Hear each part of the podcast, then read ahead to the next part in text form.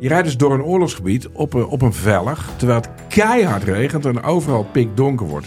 Nee, we durven niet te stoppen. En, je- eh, ja, eh, Joep is nooit bang. Joep Vermans, de kamerman, die was nu ook echt bang. Via podimo.nl slash gonzo luister je de eerste 30 dagen gratis naar Podimo. podimo.nl slash gonzo. De strijd om de miljoenen van Siewert van Liende is losgebarsten. Zowel de staat als zijn stichting eisen de mondkapjeswinst terug. Maar dat die opbrengst in ieder geval niet thuis hoort bij Van Liende, daarover kan toch eigenlijk geen twijfel bestaan. Hoe kon het zo ver komen? Dit is het. We hebben beet. En als Siewert het geld teruggeeft, kunnen wij dit schandaal dan eindelijk loslaten? Je hoort het in de Mondkapjesmiljonairs, exclusief bij Podimo. Ga naar podimo.nl slash mondkapjes.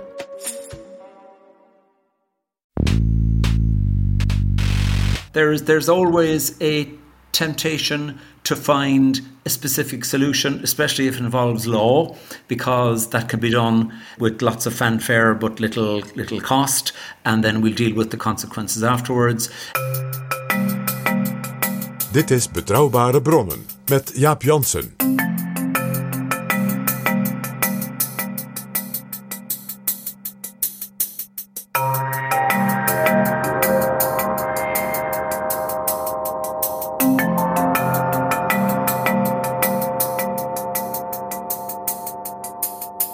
Welkom in Betrouwbare Bronnen, aflevering 222 en welkom ook PG. Dag Jaap.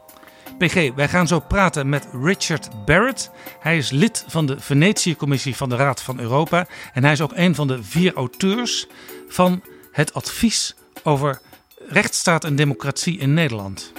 En de heer Barrett is een topjurist uit de, zeg maar, het Openbaar Ministerie en dergelijke. Heel lang geweest in Ierland. En is nu vanwege zijn grote ervaring op dat terrein dus door de Ieren benoemd als lid van die Venetië-commissie. Ja, en dan ben je dus een absolute topjurist voor Europa. Ja, en de Venetië-commissie heeft een advies geschreven over Nederland naar aanleiding van de kindertoeslagaffaire. En het verzoek daarvoor kwam uit Nederland zelf, een motie omzicht.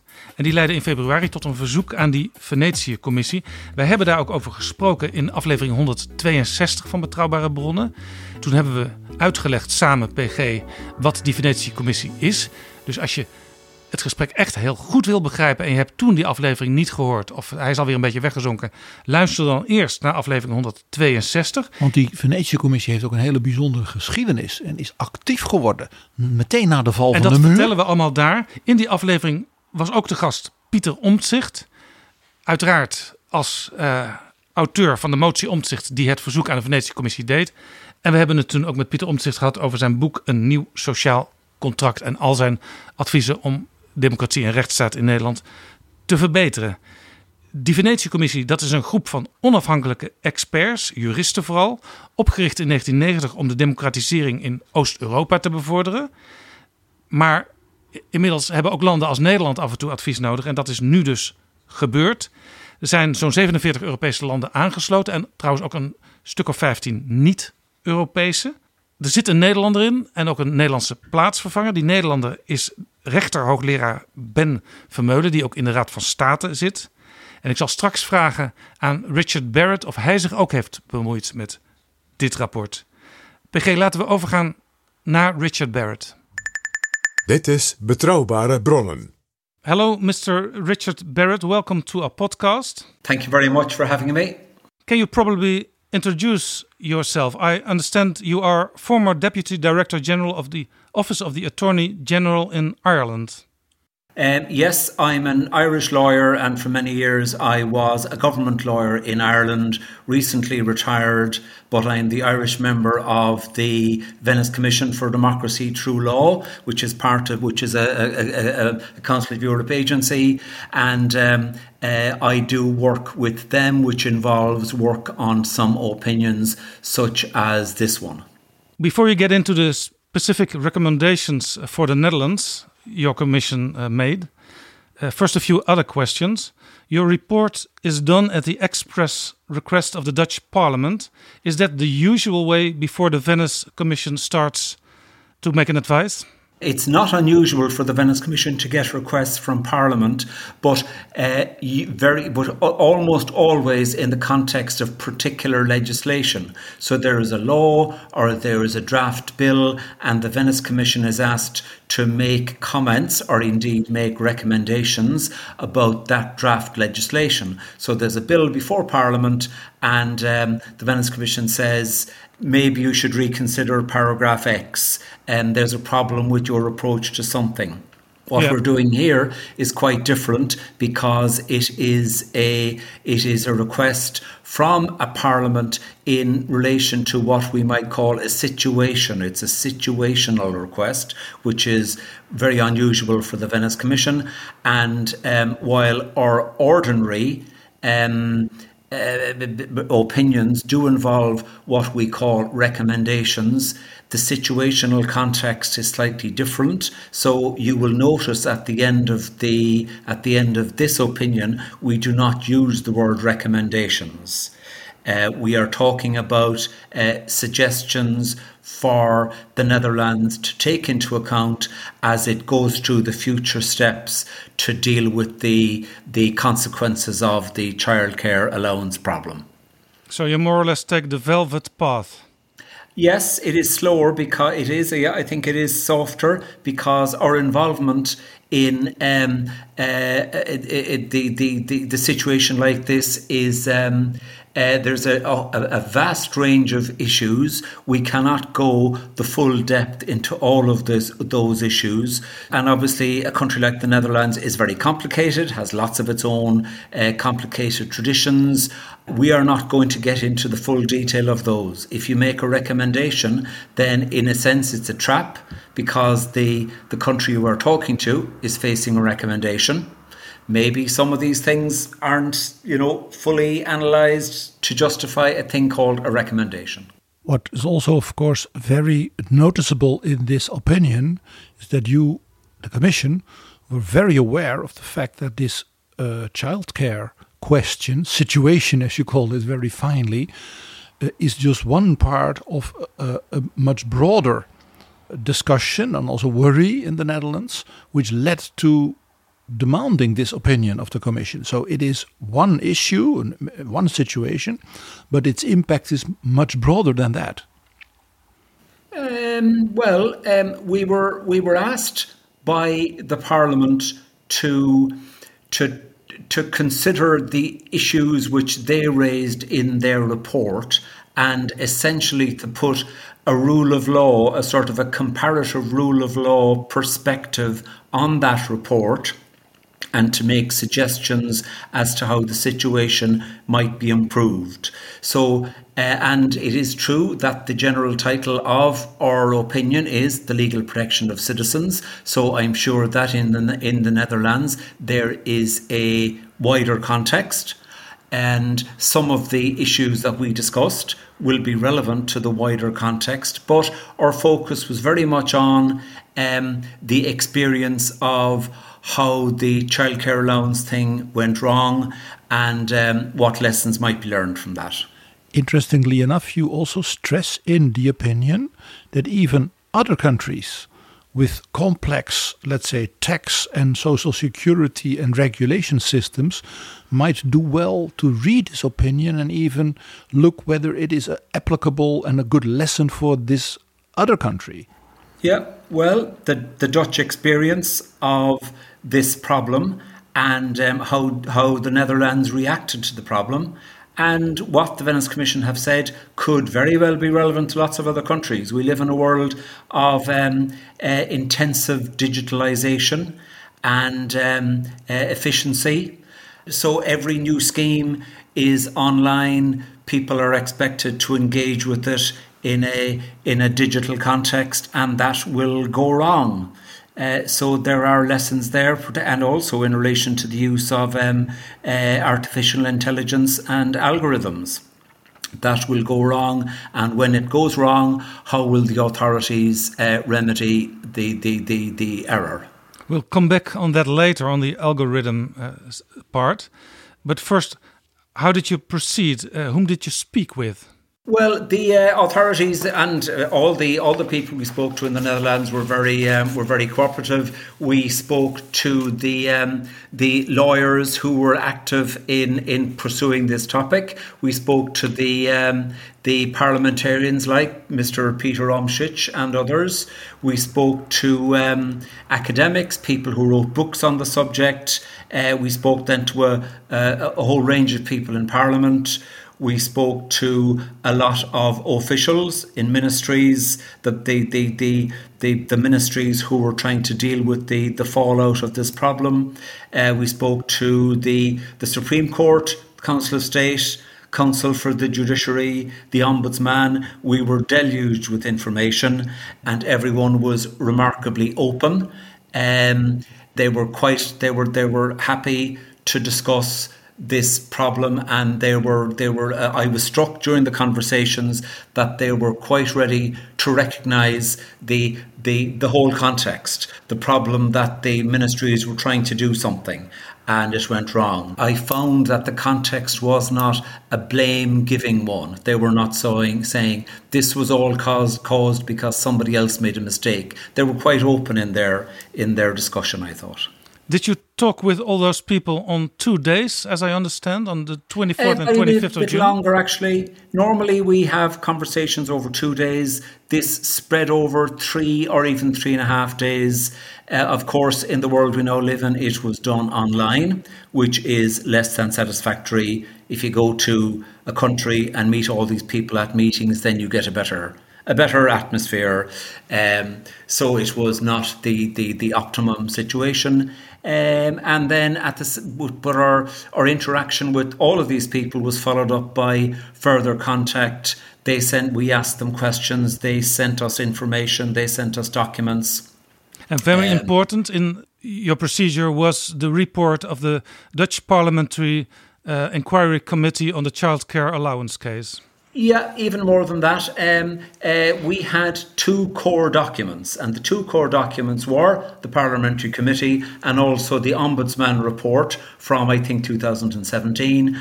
And we were not, the reason I say we were not carrying out an inquiry because we did not go back to check on the facts. We got two reports which had which had a factual context in them, and we accepted those reports and the factual elements to them as the basis for our comments. We were not carrying out an inquiry as if you had, um, you know, people on the ground asking individual questions of individuals. We were we were dependent on what the Parliament and the Ombudsman told us. When I looked at your uh, opinion in the introduction, you have this list of ministries you talk to. I was struck there were two ministries or formal organizations which were not mentioned. First of all, not the office and the ministry of the prime minister, who is sort of the integral person of the government, and not, let's say, the tax uh, authorities. So the Ministry of Finance, but you don't mention the tax authorities. Well, the tax authorities were, were sort of indirectly involved in our conversation through the relevant ministry, which I think was finance, not absolutely sure.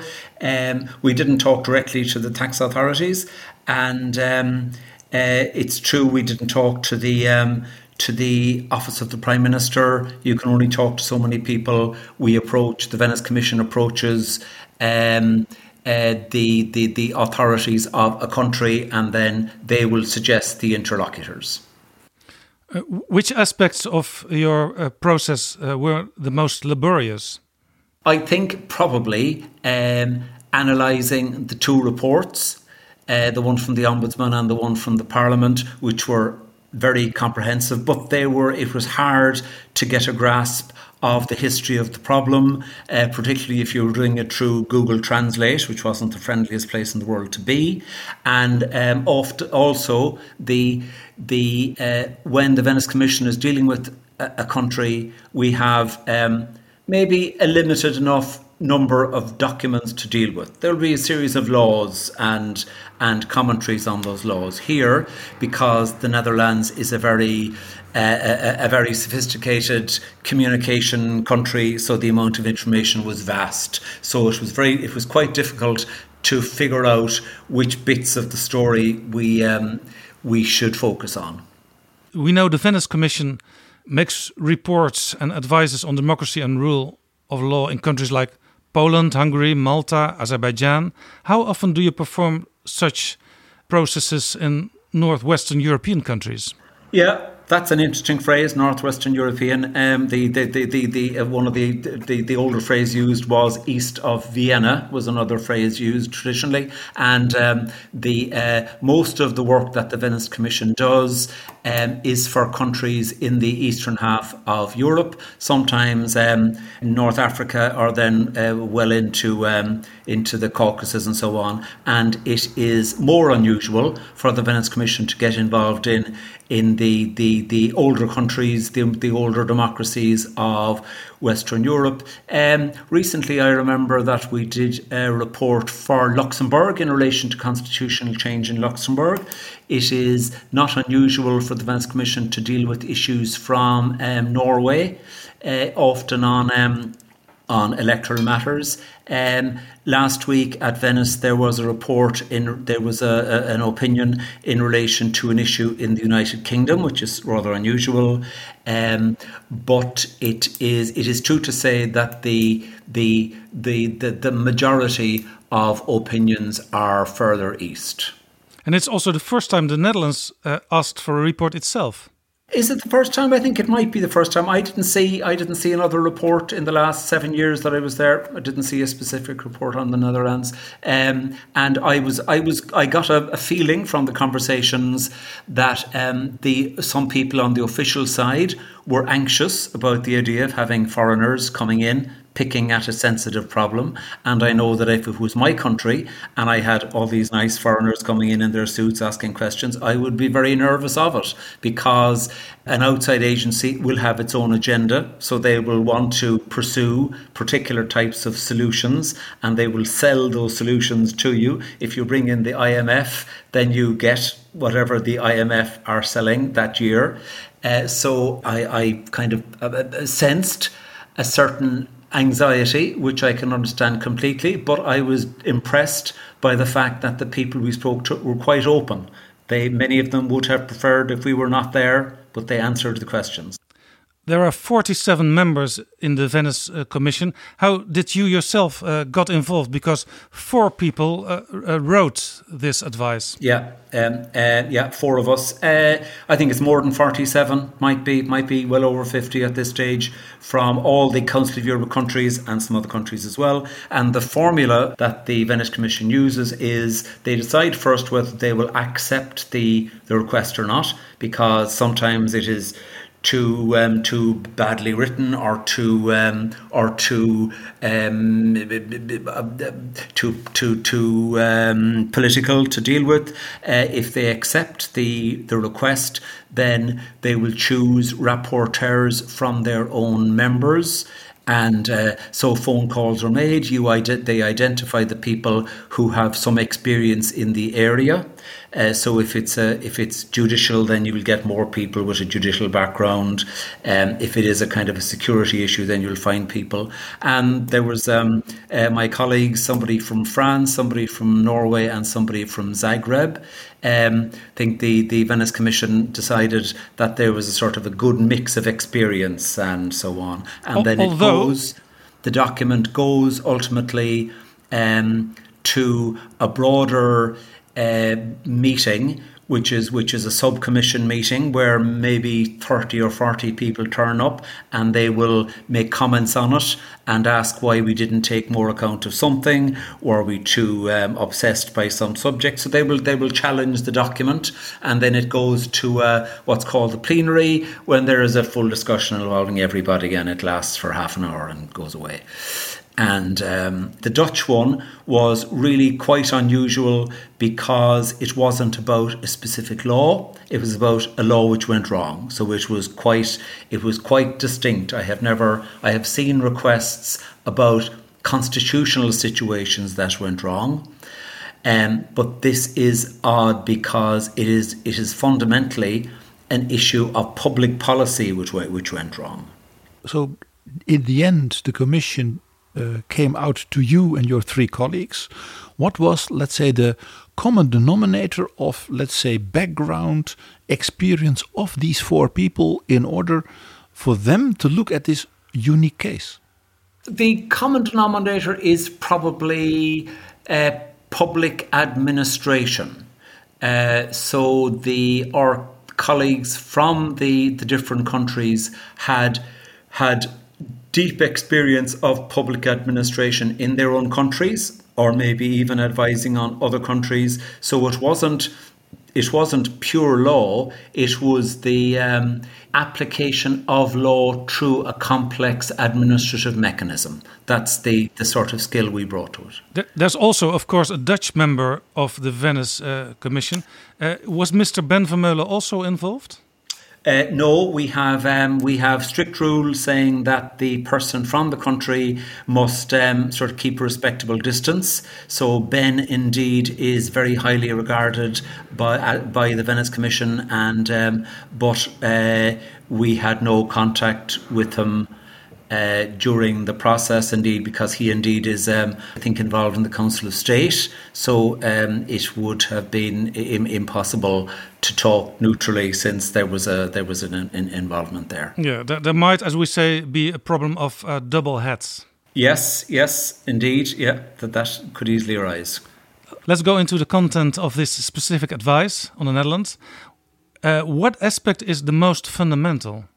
Um, I think the most fundamental is the the uh, the, the, the, the, the, the need to anticipate problems with legislation and be open to reviewing legislation afterwards.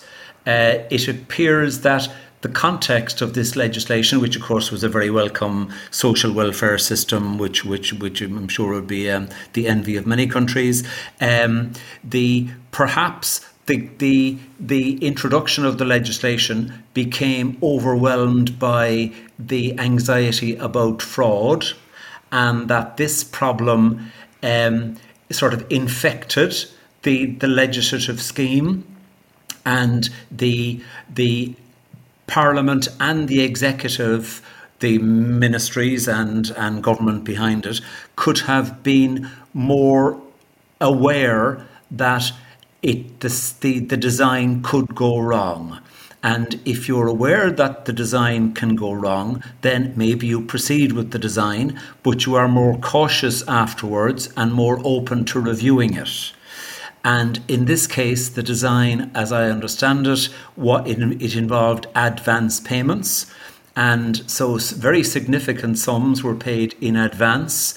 And the they were paid in a context where it was known that if something went wrong, there might be a need to reclaim some or indeed all of that money.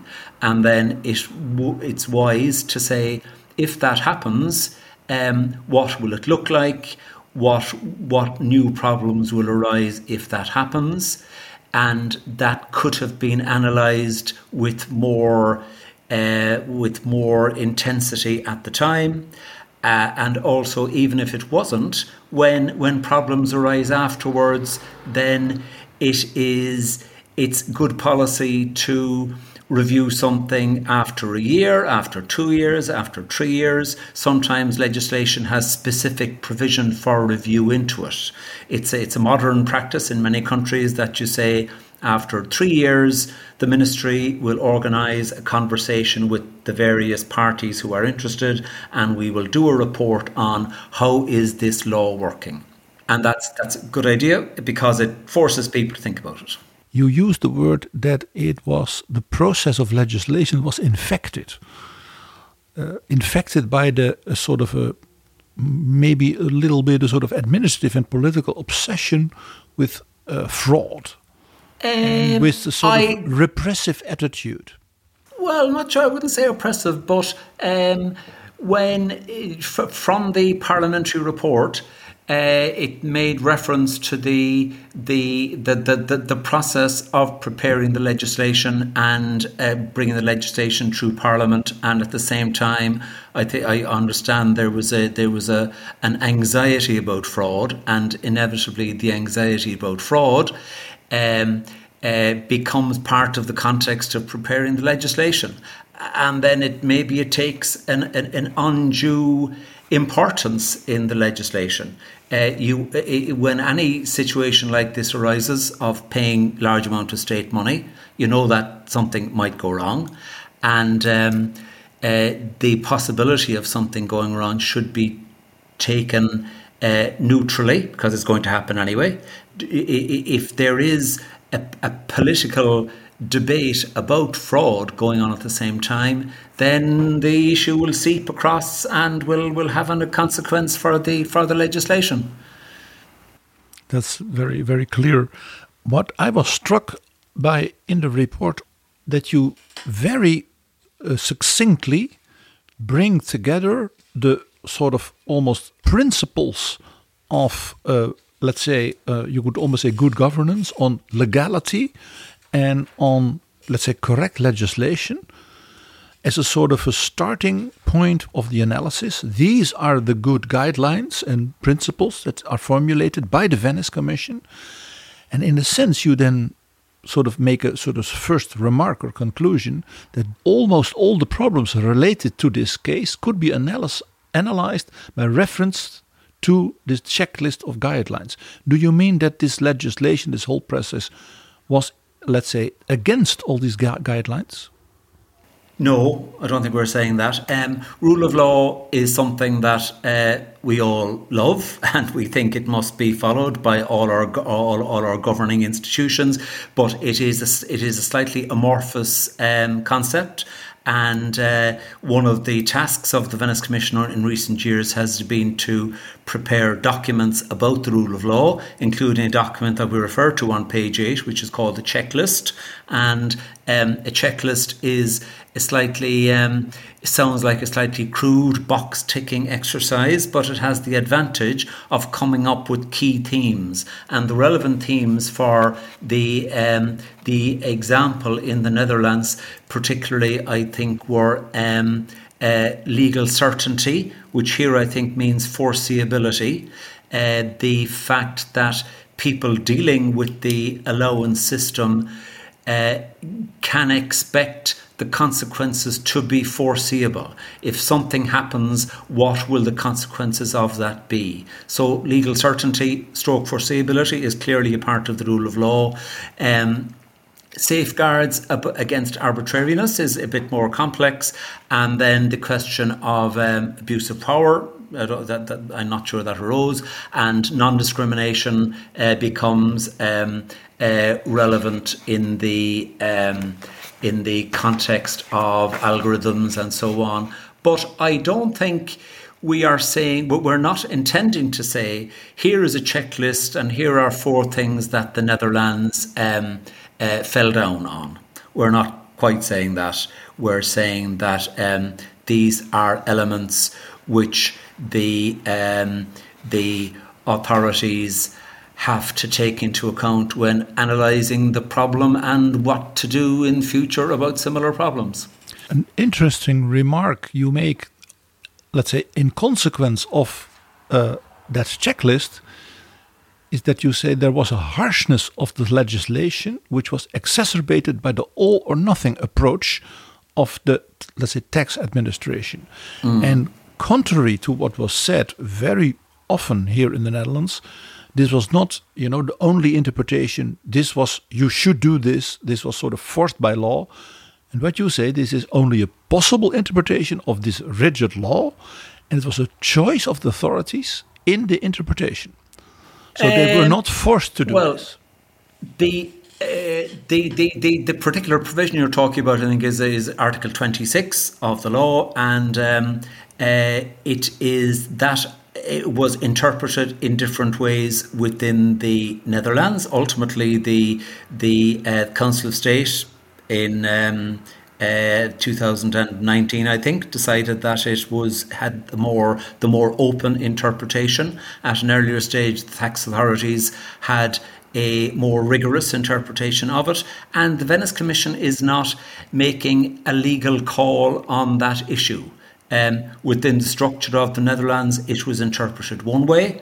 The, the, the, the view of the tax authorities went through the court system, and the courts um, seem broadly to agree with the tax authorities' view.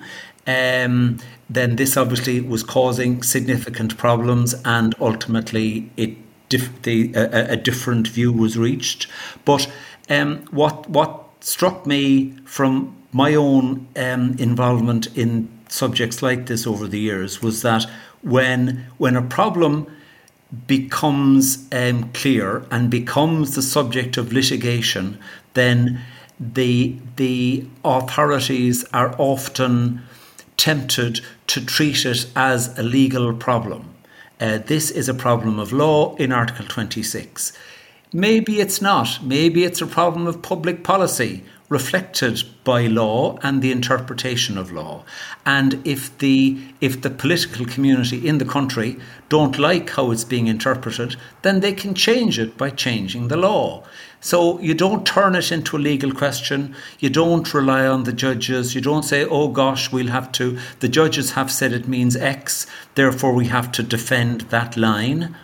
It's um, it's a question of public policy in the democracy to to to ensure that the policy being followed is what society wants to achieve. I was struck that after this piece, which is a very fundamental analysis of the Commission, uh, you come with a, a, text which says, but the Dutch are not on their own here. And you come with two very, uh, let's say, enlightening examples one from Norway and one from Ireland. And of course, we as the readers, we smiled because we thought one member, which is you, is from Ireland, and another member of the committee who was looking at the Dutch case was from Norway. Why did you put this in? Was it to say to the Dutch readers, uh, well, maybe it's not so bad? Or was it more to say, you, this is not the only country which has this problem, so this problem is much broader than Dutch, it's only a Dutch problem?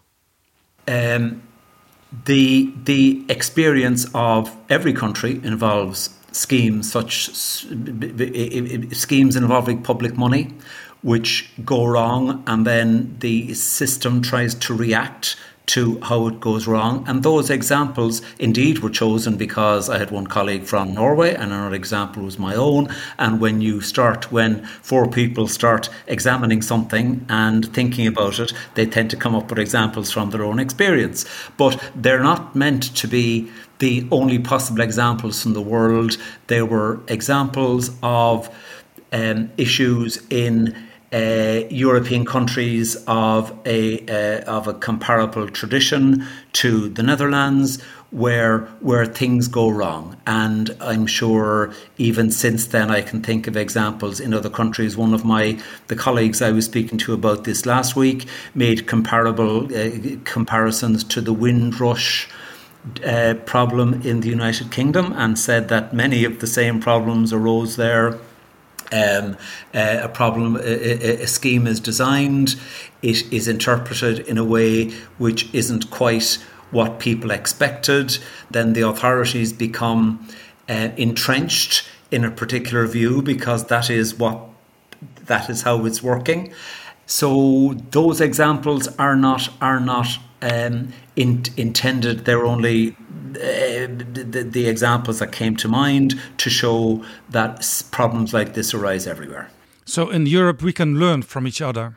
We can learn from each other, and in the world of digitalization, where um, all these schemes will be done by um, by computers in a in a culture of efficiency the examples from for the, the, the, the, structure for it, for applying those processes in one country will in fact be quite similar to um, to what's happening in different countries.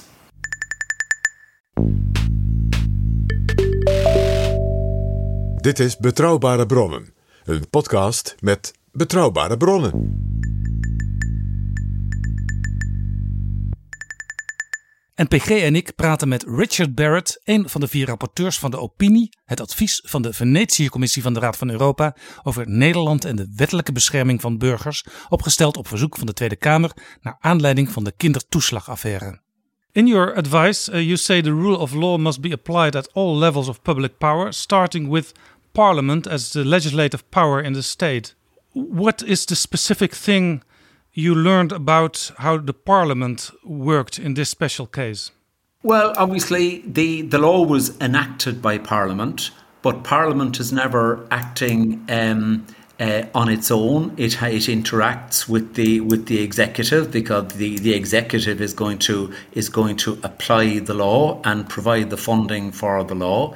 And um, I think what struck us was the, the, the, there there was in, some countries you will have law you'll have a you'll have a draft law which is introduced to Parliament and Parliament is not particularly active. Parliament is uh, it, it, just approves the bill before it. That certainly doesn't seem to be the case in the Netherlands, where Parliament is very active, and uh, the the particularly at the, for instance, there was a debate about the about whether there should be a so-called hardship provision, and that that seemed that it appears that the debate about having a hardship provision was was a real debate in Parliament. It did actually happen. The question was the question was what was discussed.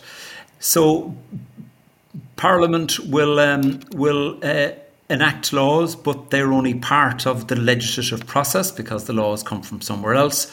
And in the example of the Netherlands, you had then a possibility, you had a discussion about amendments afterwards when the problem became clear. And maybe, maybe again, this was the, the, the, there was an opportunity to change the law at that time, and and maybe it wasn't taken. Perhaps there was a political context, so they so the law could not be was not changed.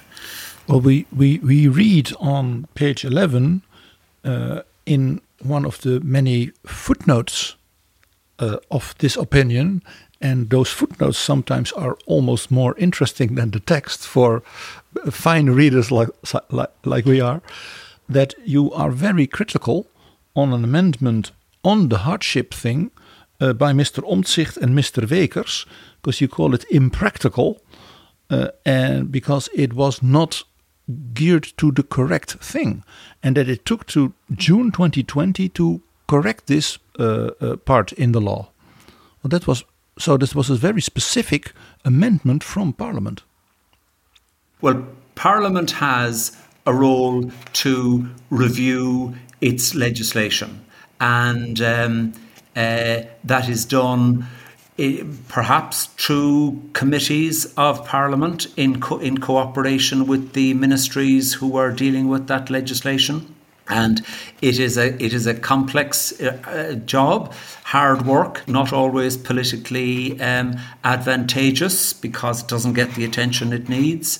And um, there were opportunities to change this law when it was perceived to be going wrong, and perhaps those opportunities were not um, uh, were not addressed as they might have been, and then the problem went on longer than it should have went on. And you also have some advice to the Parliament to work in a more optimal way. Well, one of the one of the comments that was made to us in the in our discussions with the people in the Netherlands was that comparatively speaking, the Netherlands has a very small legislature.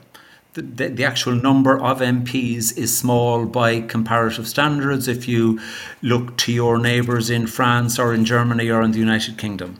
So you're expecting your MPs to do an awful lot of work as representatives and lawmakers and um, maybe they need more support to do that.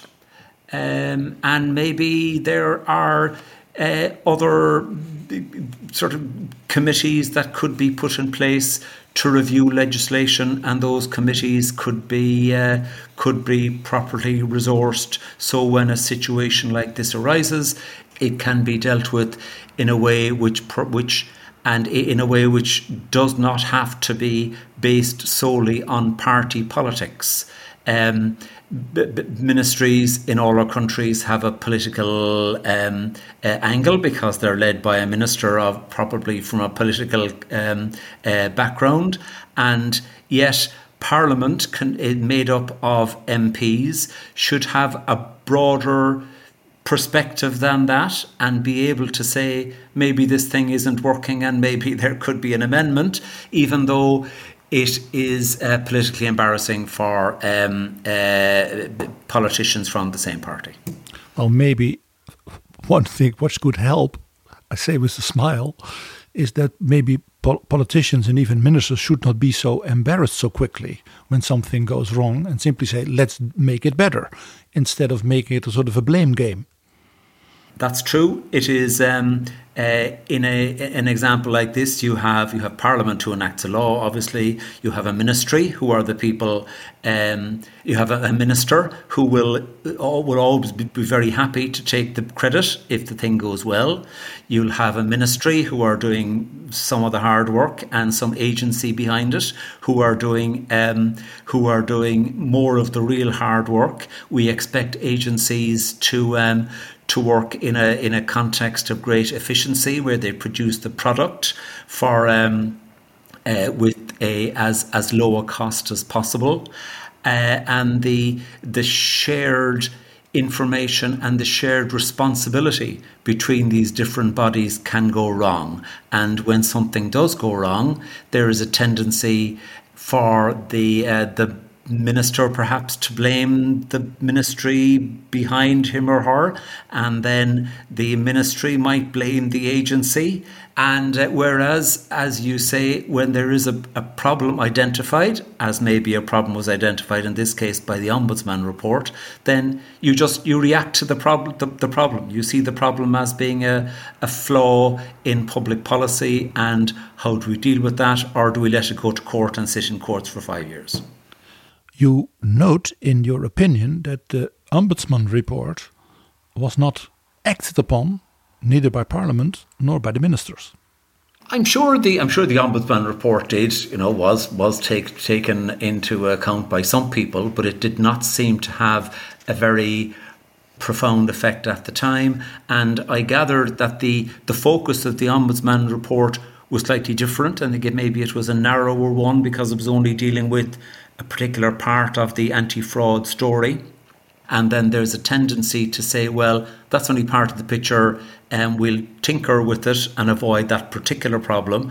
But the Ombudsman's report maybe could have been an opportunity to, to take a wider view of it rather than just trying to put on a, a sticking plaster over. Um, uh, over the problem which which the ombudsman identified one of the issues in the in the in the opinion. I think paragraph sixty seven or thereabouts is about at the possibility of changing the practice in the Netherlands so ombudsman's reports get a more a more formal um, uh, consideration and are taken into account maybe in a slightly more formal way. You also note that uh, there is some discussion in the Netherlands. There even there has been some made some some some policy on that to strengthen financially uh, the staffing, let's say the, the, the quality of the work of parliamentarians.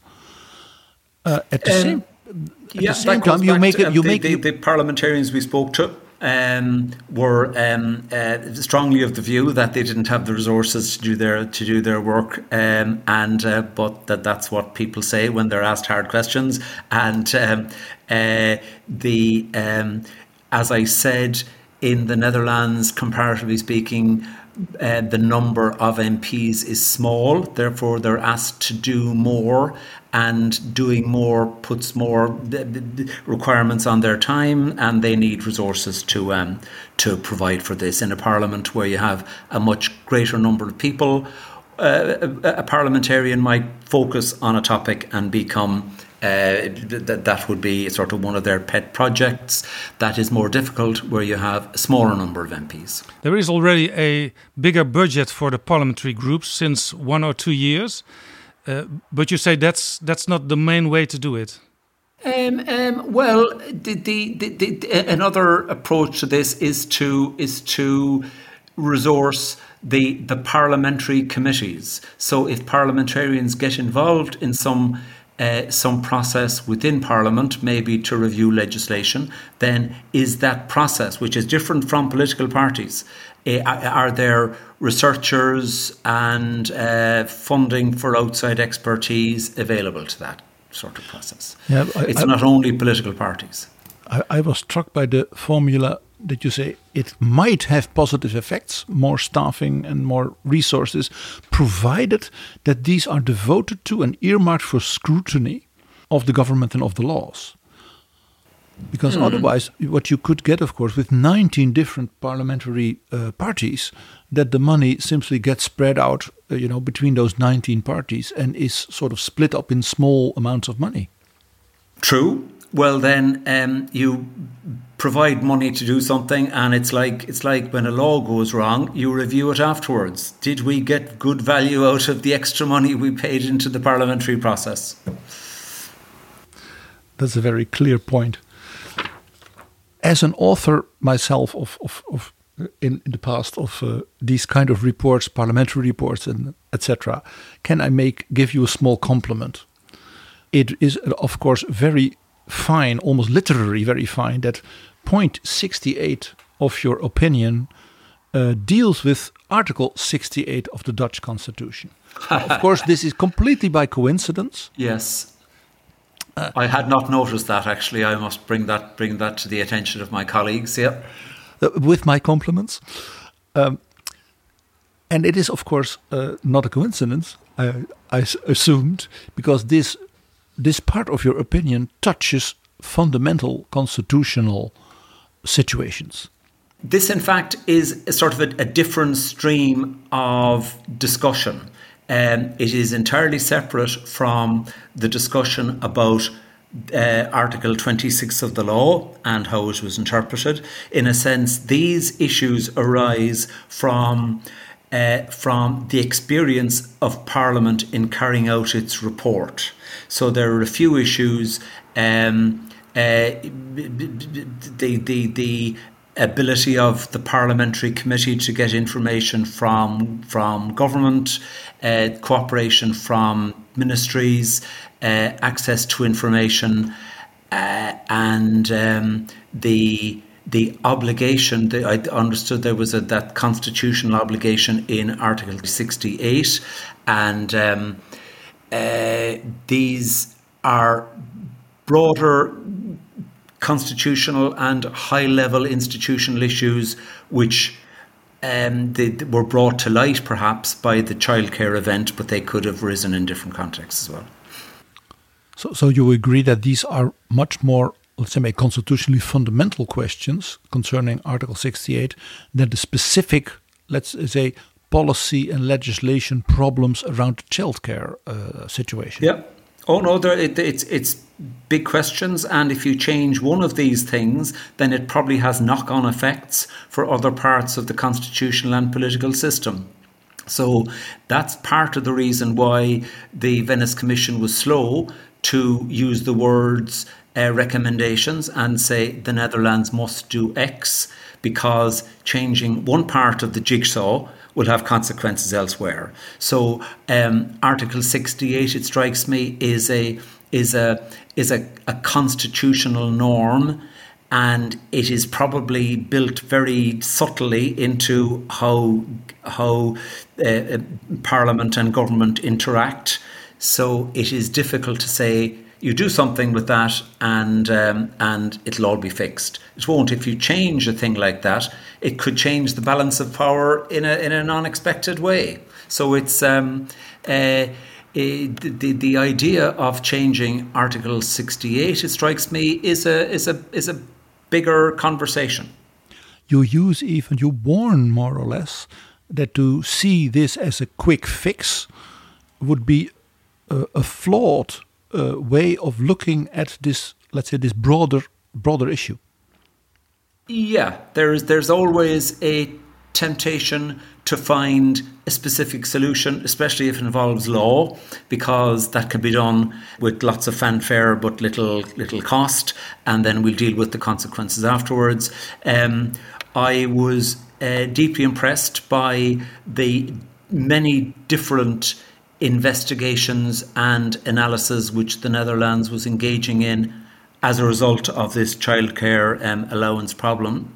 And um, I got an openness as well to, to, to debate the bigger constitutional issues. So I'm sure that Article 68 and indeed Article 120 will, um, will be on, um, on some future table for, um, for consideration. Within your analysis, you make a, it's a short sentence on page 15, which for a Dutchman who reads it uh, uh, has uh, quite an impact. And it is about withholding information from Parliament because that information could reflect the personal opinion of ministers or civil servants. And you say that is a flawed argument since the motives for policies and actions or inactions can be important considerations for accountability. Now, every Dutchman who is interested in politics knows what this means. This is called the Rutte doctrine, because mm-hmm. this is the, uh, the interpretation, the personal interpretation of the Prime Minister of this Article 68. And you say, in your opinion, now that the Prime Minister uses a flawed argument. Could you explain for our listeners a bit more what is the um, flaw here?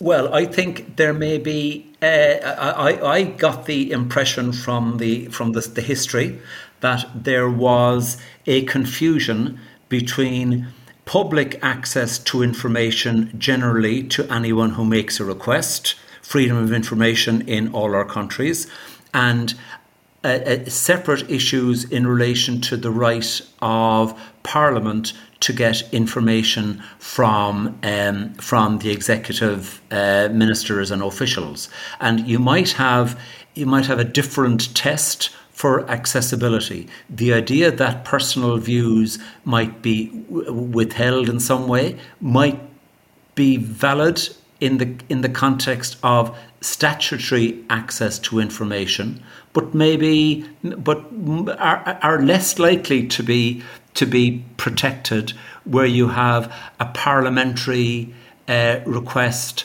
for information. So, it, and I think unfortunately the test kind of drifted from from the the statutory context into the into the, the the constitutional one. And yes, on page fifteen there is a view that um, um, access to information should be the default position on, unless there was a, a very specific uh, exception to that.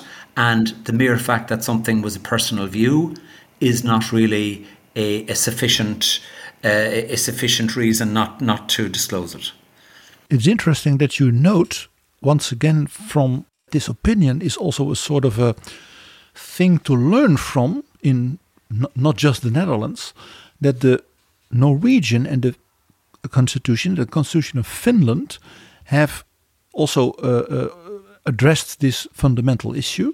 And you sort of say, well, look at those constitutions, maybe from the Dutch perspective, as something which could be a very useful enrichment for maybe the Dutch constitutional practice. Could you tell a bit more about that? Yeah, um, the, the, the I, I suppose if you have um, different provisions about sharing information in different constitutional systems. It's an example of the fact that such sharing can happen, that, that more open sharing uh, can happen without the sky falling in. But um, I'm slow to suggest that you can take a provision from one country and just move it across and drop it down into a different country because that isn't always true. There, there, there are complications. Um, in relation to something like the access to information, it's probably easier to make comparisons because um, uh, uh, ministries collect information and views in a particular way. They interact with Parliament, so it is it is worthwhile to look at comparable uh, parliaments within Europe. You already said something about artificial intelligence, and in a way, many people in this specific uh, childcare affair uh, were slaughtered by the workings of in artificial intelligence. Can you tell us some more about that? Uh, what, what can we learn from this? Well, this is difficult because it's changing so quickly. It's very difficult to say this is where we are now and this is the response. Uh, I think in, on this question we were very cautious and just agreed with the um, with the, uh, the, the the data protection authorities in the Netherlands that uh, something had gone wrong, and the use of of uh, artificial intelligence and algorithms into the future will create difficulties for all of us. And um, you can't just uh, ask the machine to do something and then pretend that it's no one's responsibility when it goes wrong. Yeah, in, in the debate, changing in the, topic. Yeah, in the debate in the Netherlands, it, it was said that uh, maybe uh, the artificial intelligence uh, was kind of racist by using the, the nationality of people. That I certainly saw that allegation, and it does appear that nationality and double nationality perhaps was a criteria. Whether whether the whether the intelligence spotted that criteria itself or was was asked to take it into account, possibly the former. And um, the difficulty here is that we want efficient systems to do things by computer and um, uh, uh, that can often go wrong, but it's the it's the the, the, the, the, the designers behind the system, which includes the, the, the people who introduced and designed the legislation. Um, it is, it is they who bear the responsibility for consequences if the wrong questions are asked. So, the discussion on what should be the basis of the decisions for which the algorithms are an instrument, those discussions should be made by humans, not by computers. That's what you say.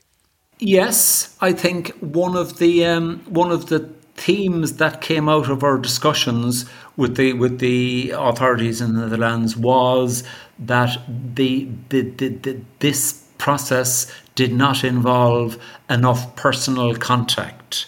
Um, it was perhaps over centralized, and the people who were getting into trouble or had had questions to ask, had difficulty finding someone to get the information from. So um, all processes which make decisions about humans should give the humans a facility to ask questions and a face to ask questions of, not just the face on a, on a, on a screen, unfortunately. That's very interesting because, in your opinion, you talk also about, let's say, the reality of complaint procedures when citizens, you know, are confronted with, a, for them, sometimes you know, more than difficult, almost uh, incomprehensible, uh, uh let's say, administrative or legal or even uh, ICT uh, situation, that the procedures for that, as you said, tend to be very centralized. And there is a very interesting sentence in the opinion which says that administrative bodies should be required to inform individuals on how to complain under a duty of neutrality. What do you mean by a duty of neutrality? Mm. I've come across that in different contexts where if the if the complaint is being made to the body which might be responsible for the problem, then they will inevitably be defensive. Um, why are you complaining to me? Uh, essentially. Oh yeah, what's and, wrong um, with the um, rules there I has make? to be. you have to develop a culture in all our countries. You have to develop a culture of cooperation. The citizen is making a valid query. The fact that the citizen is making a complaint doesn't mean the citizen is a troublemaker. And um, uh, if I am dealing with the complaint, it is not in an atmosphere of institutional protection. It's an atmosphere of um, helping the citizen get the citizen's um, uh, entitlements. In the discussion here in the Netherlands, in particular on the childcare allowance and other very complex tax situations for citizens, uh, sometimes is referred to the taxpayer advocate as is introduced and working in the United States. Is that a, a, a, an example of that neutrality approach? I didn't see that particular example being used in our discussions, but um, I'm aware. It, in a sense, it's a it's a training and a cultural uh, exercise for the institution which has to deal with the complaints. You have to separate the um, the the the, uh, the, the the operation of the system from the perception of the of the complaint when it goes wrong and there are different ways of doing that you can have you know you can have autonomous complaint mechanisms within the institution the american one might be one approach um, examples from tax are slightly different. Tax tax bodies have their have a, a do indeed have a have a different culture, but even even tax authorities can have um, can have more autonomous uh, complaints organisations. A very important element, of course, in the whole opinion is you have the legislation, you have the policy making, uh, the, the the authorities, and then you have the let's say the the legal uh, or judicial uh, apparatus, which has also its function. And I was uh, struck that you were quite critical in points like 102 and 103 and 104 of the opinion on how the Council of State played its role. Can you tell us a little bit more about that? I don't know if we were particularly critical. Obviously, this issue became a judicial issue before the the judicial end of the Council of State, uh, and that led to a, a, particular interpretation, which was later overturned a couple of years later. Uh, but one of the issues that one that was brought to our attention was that there were different views within different courts of administrative justice, and not all of the the administrative courts took the the all or nothing approach. Some maybe had a more nuanced approach, and um, it took a long time for this uh, judicial discussion to reach a conclusion. Perhaps the extent of the the, the litigation, if there were many cases on this topic, then the either the courts had to react to it as they ultimately did, or else the the executive and legislative branch had to see what was happening in the courts and react to that through legislation. Um, I, I think we are we are identifying how the problem was dealt with. There's a big discussion, a big, more internally, sort of technically legal discussion about the nature of proportionality and whether or not um, Dutch provisions about proportionality should have been taken into account. I don't want to analyse that there, that uh, in this context, but obviously the, it was the role of the judiciary to deal with that very complex problem. And um, uh, they, uh, the, the, the, initial approach was of one view, and then from 2019 there was a different view. Thank you very much, Mr. Richard Barrett, for having this conversation. And thanks also, of course, to the Venice Commission as a whole. Dit is Betrouwbare Bronnen. PG, dit was een heel interessant interview met Richard Barrett van de Venetië-commissie van de Raad van Europa. Wat is jou opgevallen in dit gesprek? Wat, wat staat jou het meest bij van dit afgelopen uur? Nou, ten eerste de finesse, die je ook wel mocht verwachten, maar dan toch, hè, dat valt er toch weer op, waarmee zo'n Europees jurist naar dit soort vraagstukken kijkt. Helemaal dus niet vanuit een nationale context, maar vanuit, hij noemde het zelfs bijna wat verontschuldigend abstracte context, waarmee hij vooral bedoelde heel principieel. Dit raakt de fundamenten van de rechtsstaat. En die commissie is dus als het ware gevraagd: kijk nou eens naar wat daar niet goed is gegaan met die kindertoeslagaffaire. En wat het meest opvalt is dat zij een aantal heel fundamentele vragen voor Nederland, lessen die wij moeten trekken, zelfs bijna mild, eh, meer als, hij zei ook meer als brainstorm dan als harde strafmaatregelen of iets dergelijks heeft geformuleerd. Maar dat bij bijna elk groot onderwerp, als je hun rapport ook leest en ook nu ons gesprek, aan de orde komt dat eigenlijk elk hoogontwikkeld westers democratisch land met een zeer verfijnde, complexe sociale zekerheid en alles wat daaromheen zit, met dit soort vraagstukken te maken heeft en er zelfs voorbeelden waren van landen die vergelijkbare narigheid hebben meegemaakt. Uh, de, de Venetië-commissie zegt ook in het rapport: Nederland is een zeer goed functionerende staat. En uh, wetten worden in het algemeen goed voorbereid en ook goed uitgevoerd. Uh, maar hier in die kindertoeslagaffaire is het even heel erg misgegaan. En dat kan misschien wel vaker aan de orde zijn dan we denken. Dus we moeten echt van deze affaire leren. En, en, en maatregelen bedenken om dit in de toekomst te voorkomen. En dus niet alleen maar de kindertoeslagaffaire als een heel naar incident of een situatie waarin een één bepaalde groep, in dit geval ouders, heel erg ellendig is getroffen, wat overigens zo is. Maar zij zeggen in feite, dit raakt veel meer. Eigenlijk ook alles waarin hele complexe overheidssystemen met behulp van artificial intelligence en algoritme heel efficiënt, heel snel, heel goed, heel precies, uh, heel eerlijk, als het ware, kunnen geacht worden te functioneren. En zij zeggen in feite: hou alsjeblieft rekening met de kwetsbaarheid en misschien ook wel de onvolmaaktheid van dit soort apparaten en van hoe mensen daarmee omgaan. Ja, en wat me ook opviel in het rapport en ook in dit gesprek is dat niet alleen de Nederlandse regering, de ministers en staatssecretarissen het hebben laten afweten op cruciale momenten, eh, maar er is ook eh, sterke kritiek op de Tweede Kamer zelf. Ja, mij viel daarbij op dat ze misschien toch wel anders dus dan het publiek debat in Nederland en ook in de media, ze het bijna niet hebben over de Belastingdienst. Daarvan zeggen zij toch eigenlijk, ja, dat is een uitvoerende dienst die opdrachten krijgt, die voeren ze uit. Nou, dat gaat soms niet goed. Dan worden er dus noodsignalen gegeven, die niet altijd zijn opgevangen. De ombudsman die een noodsignaal afgaf, daar is niks mee gebeurd. dat zegt hij in feite ook. Ja, men heeft dat laten liggen. En daarbij kijkt hij toch nadrukkelijk ook, jij wijst er terecht op Jaap, naar het parlement. In Betrouwbare Bronnen was ook ooit te gast Jesse Frederik van de correspondent. Die een aantal verhalen en zelfs een, een, een boek erover geschreven heeft.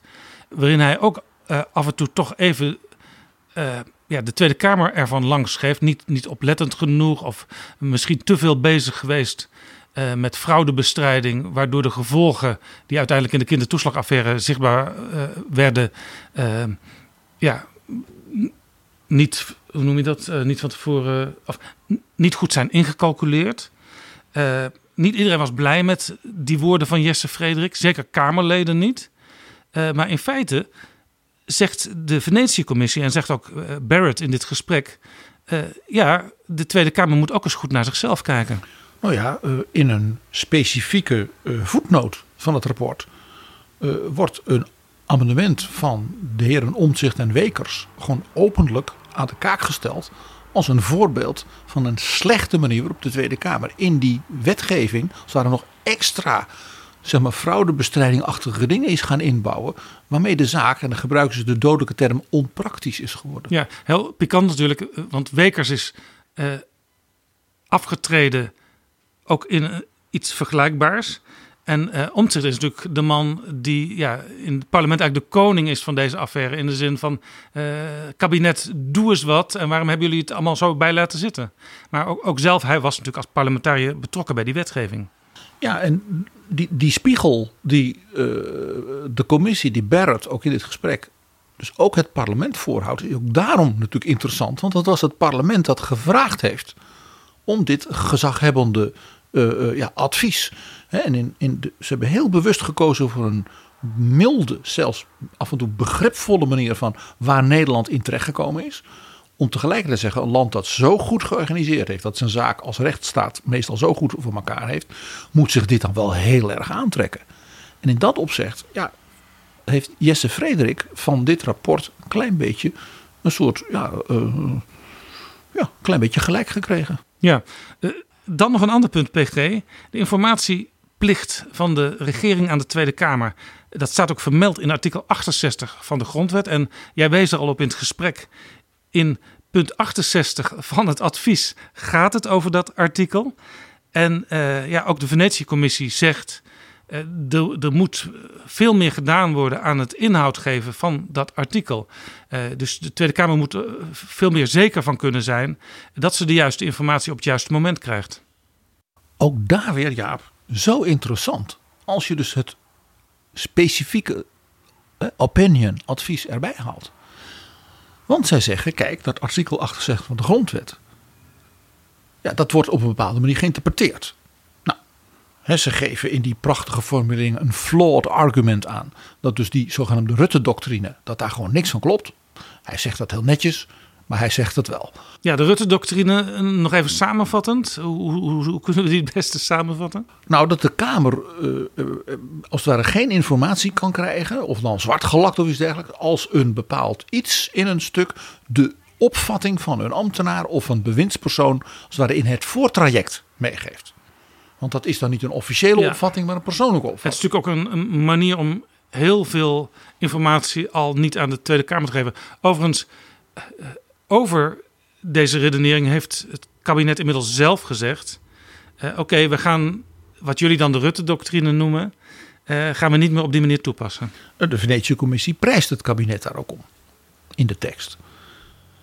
Maar het is wel opvallend dat hij zegt, en dat vind ik een interessant element uit het hele rapport van hem, dat ze zeggen, kijk, dat artikel 68 is in feite een heel fundamenteel constitutioneel vraagstuk. Het volgende in dus die reeks fundamentele vraagstukken die hiermee zichtbaar is geworden. Waarvan ze dus eigenlijk helemaal niet van plan waren geweest. Want ze wilden het alleen over de kindertoeslagaffaire hebben. Dat was de vraag van de Tweede Kamer immers. Dat is ja, maar we konden er niet omheen om hierop in te gaan. Want al deze dingen hangen met elkaar samen. En hij zegt dus als je aan één touwtje trekt. Dan gaat misschien dat hele evenwicht omver. Ja, wat ik ook interessant vond in het gesprek is dat uh, de Venetië Commissie verwijst ook naar landen als Noorwegen en Finland die ook allerlei maatregelen hebben genomen om de informatievoorziening aan het parlement te verbeteren. Uh, dus wij kunnen leren van andere landen in Europa. Ja, en ook dat dus de grondwet van de landen die jij nu noemt, op dat punt misschien dus beter uitgewerkte formuleringen heeft, die dus leerzaam kunnen zijn in Nederland. En nog iets, er is natuurlijk ook nog een discussie ontstaan over artikel 120 van de grondwet. Ja, artikel 120 van de grondwet zegt dat er in Nederland geen rechtelijke toetsing is van de grondwet. Dat je kunt dus bijvoorbeeld als burger niet naar de rechter stappen van ja, maar dit is in strijd met artikel zus en zo van de grondwet. Eh, dat mag in Nederland niet, staat in artikel 120 van diezelfde grondwet. Maar wat zegt nou de commissie als je goed kijkt? Die zegt kijk, in Nederland is door de wijze waarop de, zeg maar, de constitutionele verhoudingen zijn geregeld, het eigenlijk heel helder dat je kunt toetsen in feite aan de Europese wetgeving. Daar ligt een toetsing aan de fundamentele rechtsbeginselen. Die ligt in Europa. Dus in dat opzicht heb je het niet nodig. Tegelijkertijd zeggen ze: kijk nou goed uit de lessen uit deze grote narigheid en ook uit andere situaties. Of je niet iets zou moeten doen met artikel 120 van de grondwet. Net zoals je ook eens zou moeten kijken naar een, bijvoorbeeld een scherpere interpretatie van artikel 68 hè, van, met de Rutte-doctrine. Met een hele krachtige waarschuwing in nette taal. Want dat is natuurlijk bij zo'n rapport altijd. Doe niet alsof je hiermee een soort quick fix hebt. Het feit dat ze dat woord gebruiken in dat advies is heel opmerkelijk. nou niet bepaald een zeg maar, constitutioneel typisch juridisch begrip. Dus elke waarschuwing. Het makkelijk roepen, we gaan de grondwet wijzigen. Hè? Zei ook van, ach ja, dat kost ook niks. En dan heb je een hoop fus en een, heel, een hoop uh, discussie. Maar gebeurt er nou echt iets? Ja, dit is in feite een opnieuw een voorbeeld van... Uh, zoals Kamerleden vaak denken, ja, we hebben nu een nieuwe wet... en vanaf nu gaat alles goed. En dat is juist in die kindertoeslagaffaire een, een funeste gedachtegang gebleken. En in zekere zin zou je dus kunnen zeggen: de mensen die te snel nu die quick fix als het ware toepassen, maken opnieuw dezelfde fout. Ja, wat ik interessant vind, PG, de Venetische Commissie die houdt dus uh, zowel de regering als de Kamer een spiegel voor.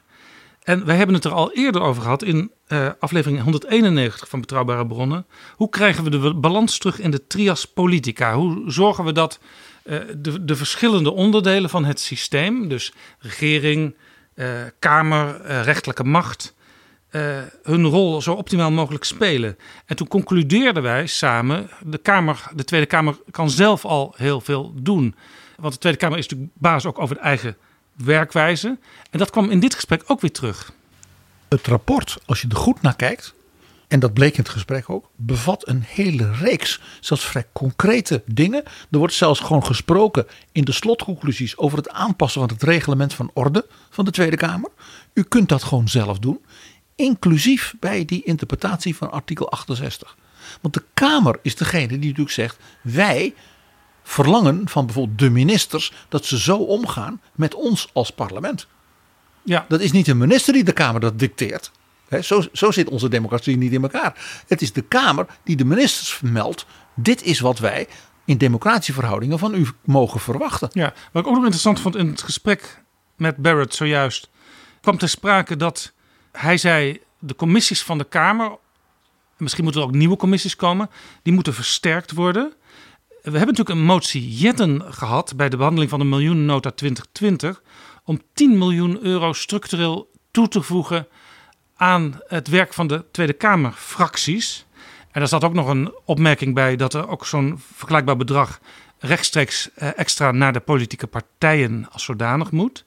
Eh, maar in dit gesprek kwam eigenlijk naar voren dat het misschien helemaal niet zo verstandig is om uh, zomaar zoveel geld ja, eigenlijk in één keer richting de Kamerfracties te sturen. Je kunt het veel beter specifiek investeren in bepaalde Kamercommissies, zodat de, de inhoudelijke ondersteuning van de Kamer bij wetgeving en bij controle op de wetgeving beter wordt.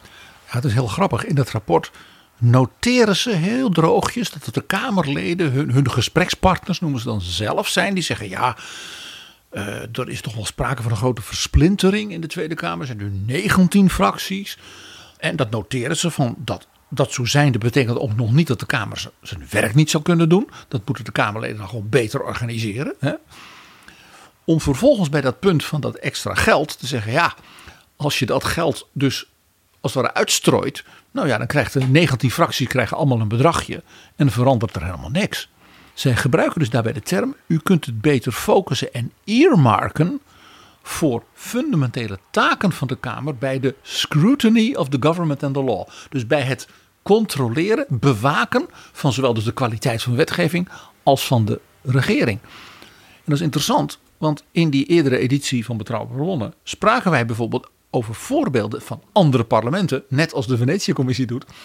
Zoals het Congressional Budget Office in de Verenigde Staten, wat dus van het hele parlement is en voor het hele parlement dus echt kritische rekensommen maakt tegenover het Witte Huis en de ministers.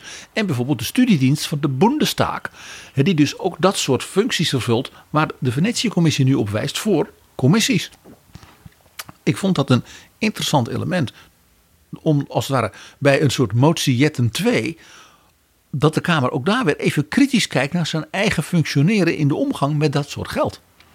Ja, en het is dus nu eigenlijk uh, ja, de opdracht voor de Tweede Kamer zelf, als vrager ook om dit advies, om al die deeladviezen die nu gedaan zijn door de Venetische Commissie te gaan implementeren, toe te passen in hun dagelijkse werk. Ja, ja het brengt mij op een wat ondeugende gedachte, Jaap. Wat de Tweede Kamer natuurlijk vooral niet moet doen, is nu tegen een te formeren kabinet zeggen: u moet dit en u moet dat en u moet zus en u moet zo. Het was de Tweede Kamer die om dit advies vroeg. Ja, en dat zou ook weer een voorbeeld zijn van op elkaar wachten en naar elkaar wijzen en van Blame Game, en, hè, waar zij ook een beetje spottend over spraken. En ja, roepen dat het kabinet nu weer van alles moet wat er nog niet is, is natuurlijk ook wel hele oude bestuurscultuur, zou je bijna zeggen. Zou het niet een idee zijn om de belangrijkste, bijvoorbeeld ook voorstellen die hier nu liggen, suggesties van de Venetië-commissie, die bijvoorbeeld nopen tot wetswijziging, om daar dan een initiatiefwet van te maken, waarvan de Tweede Kamer zegt, die maken wij als Tweede Kamer zelf. Nou, die moeten door de Kamerleden worden ingediend, zoals je weet. Een Kamerlid mag tenslotte een eigen initiatiefwet indienen. Niemand verbiedt natuurlijk om mevrouw Bergkamp om te zeggen: ik ga als het symbool van de Tweede Kamer als instituut, met alle fracties bij elkaar, we gaan zitten, we gaan een, als het ware een soort wet op de Venetië-commissie ideeën maken. En dat bijvoorbeeld mevrouw Ariep als voormalig Kamervoorzitter medetekenaar is. En als je helemaal ondeugend bent, zeggen en vraag Jan Anthony Bruin als Eerste Kamerlid mede Een- initiatiefwet indienen. de Eerste Kamer en voorzitter ook van de Verenigde Vergadering. Dan heb je dus drie mensen met dus dat profiel van, zeg maar, ook symbool van het parlement. Van drie verschillende, ja, breed verschillende politieke partijen. Bij de Kamer dus ook als Kamer. Dus niet als losse fracties en politieke eh, afsplitsingen en eenlingen en dergelijke. Maar de Kamer als, als institutie zichzelf en die politieke hè, bestuurlijke cultuur daarmee zou verbeteren. Aan de hand van de Venetië-commissie. Daar ligt dus heel veel huiswerk voor de Tweede Kamer, PG. En dat is heel goed, want het parlement moet vooral aan de slag met het versterken van de democratie. En dat kan ook in afwachting van een nieuw kabinet. Daar hoef je helemaal niet op te wachten. Dankjewel, PG.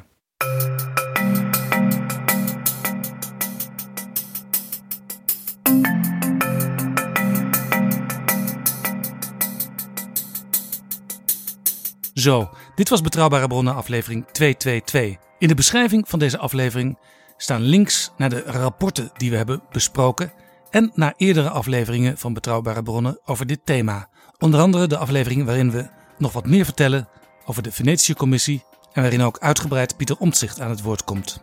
Deze aflevering is mede mogelijk gemaakt door de Europese Unie en door de vrienden van de show. Mensen die ons steunen met een persoonlijke donatie. Wil jij ons ook steunen? Ga dan naar vriendvandeshow.nl slash bb en wij zijn je buitengewoon dankbaar. vriendvandeshow.nl slash bb. Tot volgende keer. Betrouwbare bronnen wordt gemaakt door Jaap Jansen in samenwerking met dag en nacht.nl.